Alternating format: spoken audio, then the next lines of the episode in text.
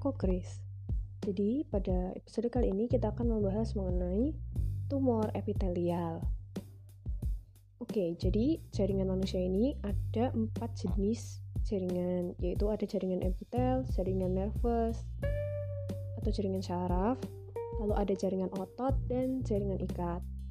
Nah, untuk jaringan epitelial ini asalnya dari ektoderm, mesoderm, dan endoderm, di mana fungsinya bisa untuk proteksi, sekresi, absorpsi, ekskresi, filtrasi, difusi, resepsi, sensoris.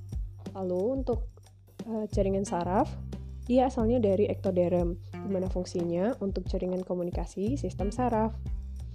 Selanjutnya ada jaringan otot, asalnya dari mesoderm, Fungsinya untuk kontraksi dan relaksasi dan pergerakan. Selanjutnya ada jaringan ikat yang berasal dari mesoderm. Fungsinya untuk support, sirkulasi, perlekatan, dan penyimpanan. Oke, selanjutnya jaringan epitelial. Yang akan dibahas di sini lebih ke tumor jaringan epitelial ya, jadi akan terfokus pada jaringan ini saja. Jadi jaringan epitelial itu adalah jaringan padat yang terdiri dari sel-sel yang berdampingan, juxtaposed, yang berfungsi sebagai barrier kimia dan mekanis antara tubuh dan lingkungan. Nah, dia ini jaringan epitelial itu berikatan kuat melalui intercellular junction supported by connective tissue. Tipe-tipe jaringan epitelial itu sendiri ada lima, yaitu covering or lining epithelial yang gunanya untuk melindungi uh, organ atau rongga tubuh. Lalu ada glandula sorry, glandula glandular epithelial yang gunanya untuk mensekresikan enzim atau sekresi hormon. Selanjutnya ada pigmen epithelial. Ini contohnya ada di uh, retina di iris mata, lalu sensori epitelial, dan mioepitelial. Oke, jadi covering epitelial tadi itu kan melapisi permukaan tubuh, ruang dalam tubuh, atau hollow organs. Selanjutnya ada glandular epitelial, dia berasal dari kelenjar. Lalu ada pigment epitelial, ini contohnya retinal pigmented epithelial. Lalu sensori epitelial, ini contohnya ada taste bud, bulbus olfactorius. Oke, kalau yang tadi myoepithelial cell ini gunanya untuk pergerakan ya. Jadi uh, berdasarkan bentuknya, sel-sel epitelial itu juga dibagi menjadi beberapa jenis. Misalnya ada simple squamous cell, simple cuboidal cell, simple columnar cell, stratified squamous cell, stratified cuboidal, pseudo stratified columnar, dan keratinized. Selanjutnya langsung masuk ke tumor aja. Jadi tumor itu secara umum adalah benjolan. Jadi segala macam benjolan itu adalah tumor. Tetapi kalau e, terdapat tanda-tanda keganasan, dia baru bisa disebut sebagai kanker. Nah, jadi tumor itu adalah masa jaringan abnormal dengan pertumbuhan berlebih dan tidak terkoordinasi. Nah, bedanya tumor e, jinak dan tumor ganas, benign tumor dan malignant tumor, kalau benign tumor itu ad adalah non-cancerous, capsulated, jadi berkapsul gitu, dilapisi sebuah kapsul, non-invasive, tidak uh, menyebar ke mana-mana, slow growing, pertumbuhan lambat, do not metastasize, do not metastasize atau spread to other parts of the body, jadi tidak menyebar ke anggota tubuh yang lain, dan selnya normal, bentuknya seperti sel-sel yang ada di sekitarnya. Kalau malignant tumor, dia cancerous, non-capsulated, fast-growing, metastasize or spread to other parts of the body, and cells have large dark nuclei and may have abnormal shapes. Yang dark nuclei ini lebih sering disebut dengan istilah hiperkromatis dan bentuk yang abnormal ini mungkin juga disebut sebagai bentuk atipi. Nah, siklus sel normal dan tumor gene tumorigenesis. Nah, jadi kalau dilihat dari siklus sel normal itu kan ada M, G1, S, dan G2. Nah, metafase checkpoint, past this checkpoint, if all chromosomes all are attached to spin, spindle apparatus. Jadi uh, mitosis dia itu uh, akan mencapai poin ini ketika dia telah ketika semua kromosomnya sudah uh, menempel pada aparatus spindle. Lalu G1 checkpoint test this checkpoint if cell, cell size is adequate, nutrients are sufficient, social signals are present, DNA is undamaged. Jadi suatu uh, siklus sel setelah melewati G1 itu akan disebut melewati G1 ketika dia telah uh, berukuran yang adekuat, nutriennya cukup, dan DN tadi social signals are present ada uh, sinyal-sinyal dari luar dan DNA-nya itu tidak terrusak, tidak rusak. Lalu selanjutnya S, fase S itu adalah fase sintesis DNA. Lalu ada second gap atau G2. Nah, second gap checkpoint ini uh, ada terdiri dari chromosomes have replicated successfully, DNA is undamaged, activated MPF is present. Jadi, sebuah sel itu akan melewati fase G2 ketika ia telah uh, kromosom-kromosomnya itu sudah direplikasi dengan sukses, lalu DNA-nya itu tidak rusak dan MPF-nya yang sudah aktif itu uh, sudah ada di dalam suatu sel gitu lalu nanti muter lagi ke M, G1, S, G2, seterusnya. Nah, kalau tumor genesis tuh ini ada step by stepnya. Mutation inactivates tumor suppressor gene. Then cell proliferate and then mutation inactivates DNA DNA repair gene and then mutation of proto-oncogene creates an oncogene. Selanjutnya, mutation inactivates several more tumor suppressor genes and then cancer happen. Jadi bahasa Indonesia-nya uh, mutasi itu menginaktivasi tumor suppressor gen. Lalu selnya itu ber diri secara uh, tidak terkendali. Selanjutnya mutasi tersebut itu uh, menginaktivasi DNA repair gene. Jadi ini gennya itu tujuannya untuk me memperbaiki DNA setelah uh, setelah bereplikasi. Nah, selanjutnya ada mutasi protein oncogen yang membuat uh, terciptanya oncogen. Lalu ada mutasi mutasi yang menginaktivasi uh, tumor supresor gen yang lain. Selanjutnya terjadi kan cancer gitu. Oke. Nah lalu ada mengenai penanda sel kanker. Itu ada 10 hallmarks hmm, tapi secara umum gambaran sel kanker itu uh, ada selnya atipi, polimorfi, intinya hiperkromatis, karena intinya prominent atau terlihat dengan sangat jelas dan adanya mitosis patologis. Nah, lalu ini ada perbedaan sel tumor jinak dan maligna. Kalau tumor jinak itu mitosisnya uh, normal gitu ya, sedikit dan normal. Kalau maligna itu dia tuh banyak banget dan abnormal.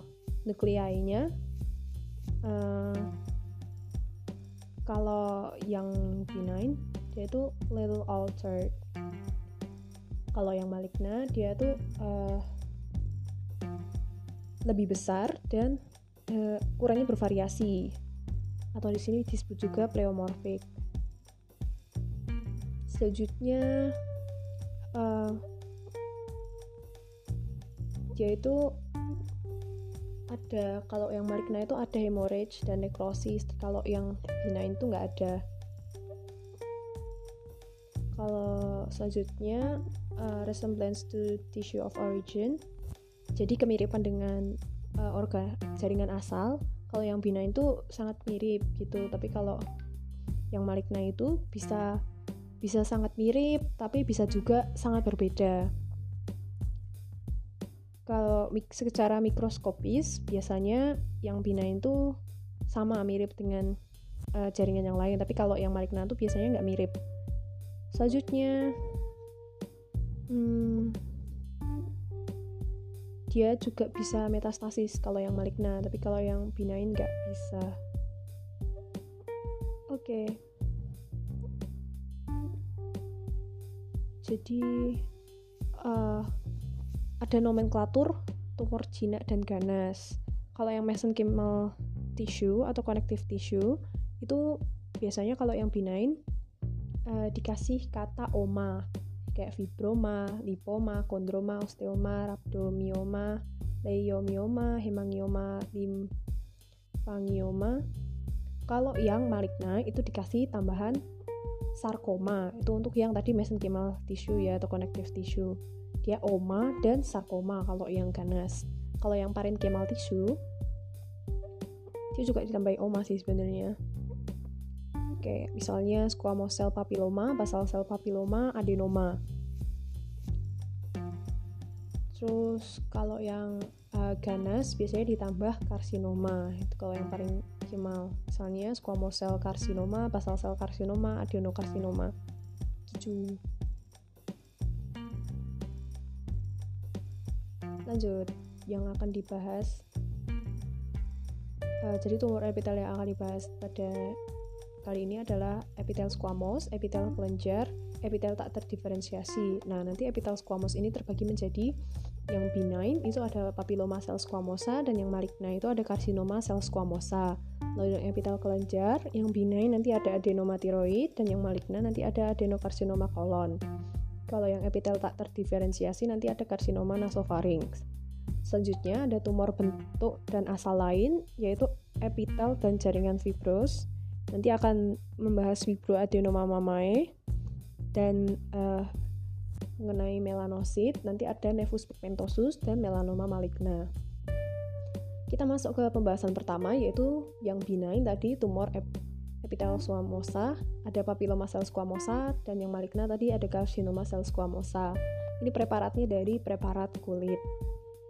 Nah, kalau yang benign tadi biasanya disebabkan oleh HPV tipe 2, 4, 27, 29, tapi yang paling banyak ditemukan tuh yang tipe 6 sama 11. Kalau yang uh, maligna, carcinoma cell squamosa itu yang paling banyak ditemukan dari HPV atau Human Papilloma Virus tipe 16 sama 18. Nah, kenapa yang uh, tipe 16 sama 18 itu bisa ganas? Karena dia itu punya uh, uh, bagian sel atau lapisan lapisan luarnya itu terdiri dari E3 dan E3, E3, E6 dan E7 yang dia itu bisa menginaktivasi P 53 dan PRV. Nah, di mana kedua protein ini itu bertugas untuk uh, meregulasi pembelahan sel gitu. Nah, secara makroskopis dia tuh terlihat uh, warnanya sama seperti jaringan yang lain. Uh, lalu bisa juga keratinized atau ada keratinnya di sekitarnya. Lalu bentuknya seperti uh, bertangkai seperti itu mikroskopisnya ada hialinisasi di ujung proyeksi, hiperplasia satum corneum dan basalis, dan finger-like projection. Seperti jari ya. Di sini itu jarang ditemukan koilocytes. Koilocytes itu apa? Koilocytes itu adalah sebuah sel yang bentuknya kayak membalon gitu loh. Jadi bagian kayak putih, dalamnya ada nukleusnya. Nah, terus ada karsinoma sel squamosa, yaitu uh, ada beberapa jenis ya well differentiated moderately differentiated poorly differentiated and undifferentiated untuk yang well differentiated ini uh, dia ini sel epitel squamosanya mudah dikenali keratinnya banyak pleomorfisme minimal mitosis patologis hanya pada lapisan basal lalu jembatan antar sel jelas.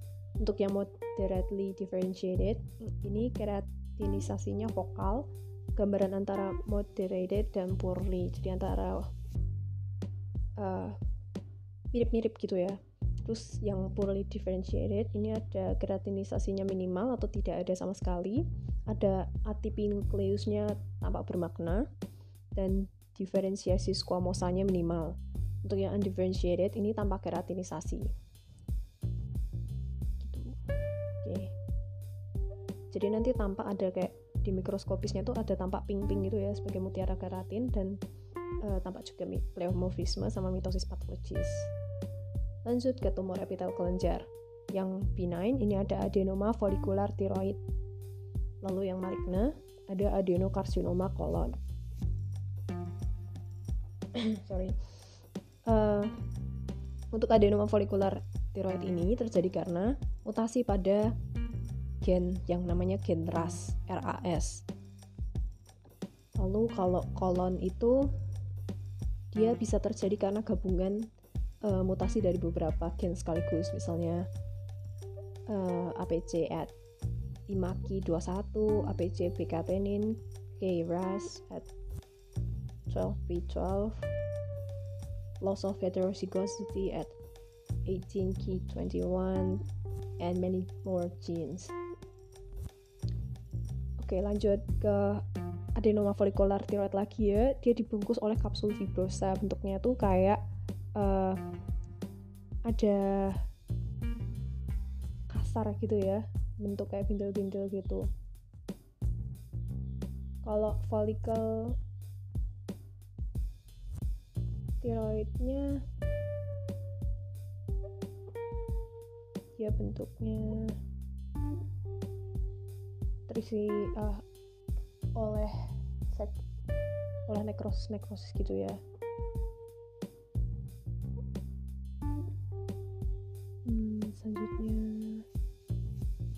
Yang kolon, yaitu glandulanya tampak irregular dan mengandung debris. Dia ini uh, walaupun tidak ada sel goblet tapi dia tuh bisa menghasilkan musin.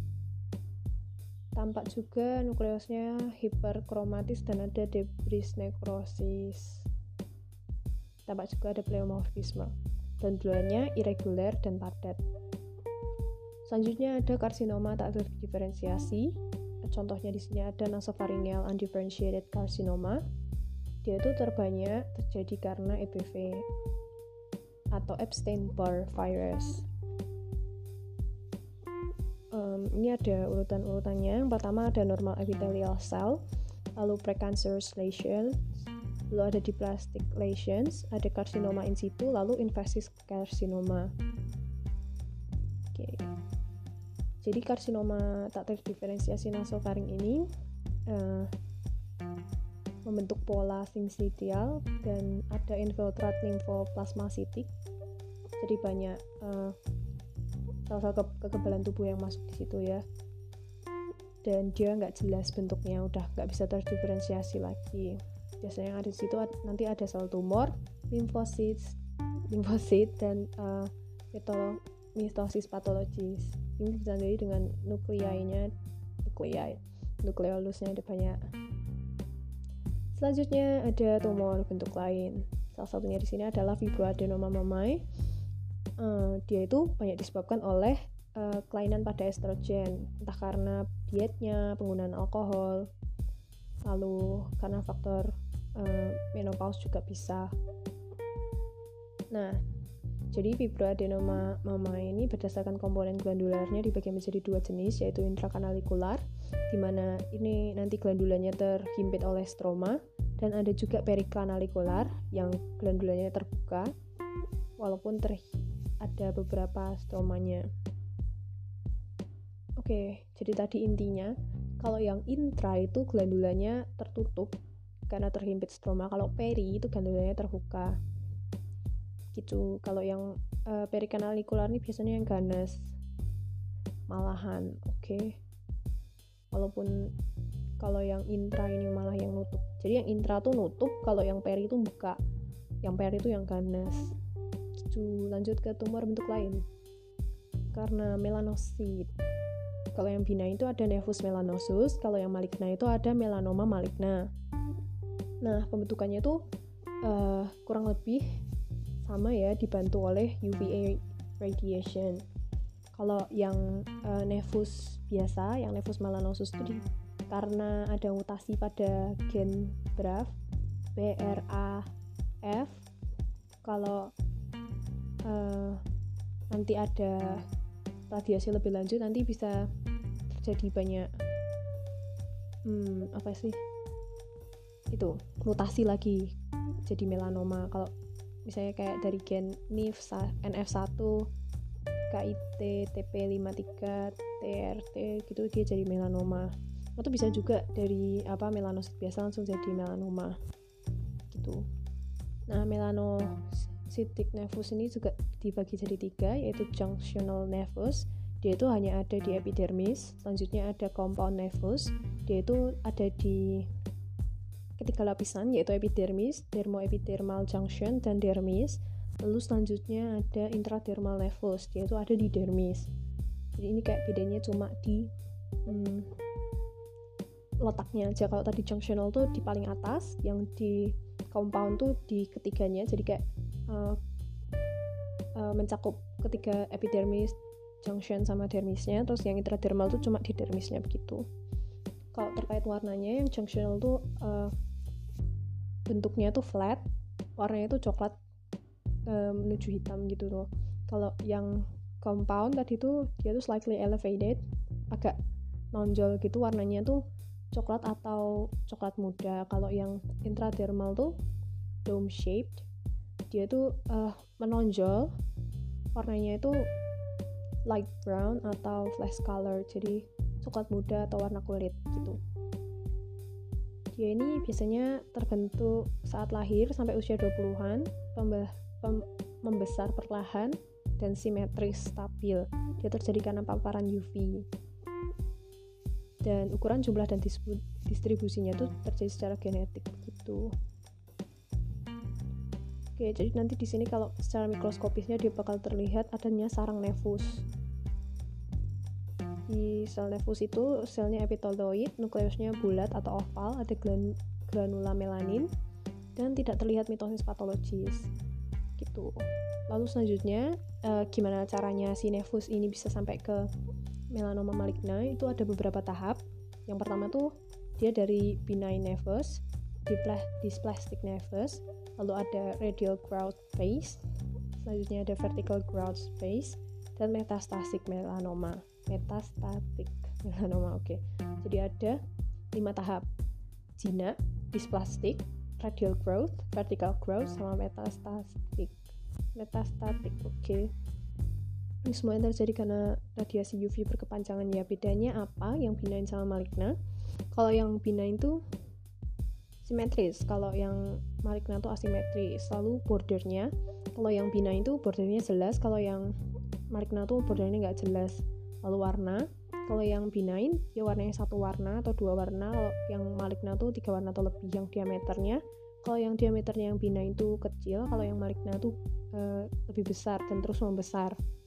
Itu terus kalau yang melanoma maligna tadi penjelasannya dia itu keganasan kulit dari melanosit. Faktor risikonya terjadi karena sunburn paparan UV intens dan paparan UV ringan atau sedang. Intens itu terjadi karena uh, misalnya pakai skin tan yang masuk ke suatu kapsul terus di itu loh. Oke lah apalah namanya. Terus yang paparan UV ringan sedang tuh misalnya kalau kayak uh, kayak bisa kayak petani gitu nanam di secara jangka panjang.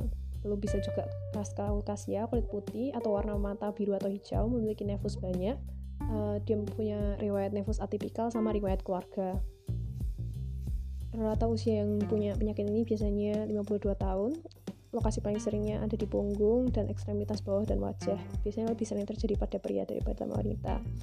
Oke, selanjutnya melanoma maligna ini mikroskopisnya sel ATP, pembesaran nukleus, nukleusnya hiperkromatik, ada mitosis patologis, lalu ditemukan juga sebukan sel peradangan, limfosit, dan ada juga eh, granula-granula uh, warna dari melanositnya itu gitu lalu ini ada bonus ada melanoma kutis dan lentigo maligna melanoma gitu oke jadi 20 menit satu jam lagi aku akan ada responsi doain ya guys uh. Sampai di sini dulu, sampai ketemu di podcast selanjutnya. Bye bye.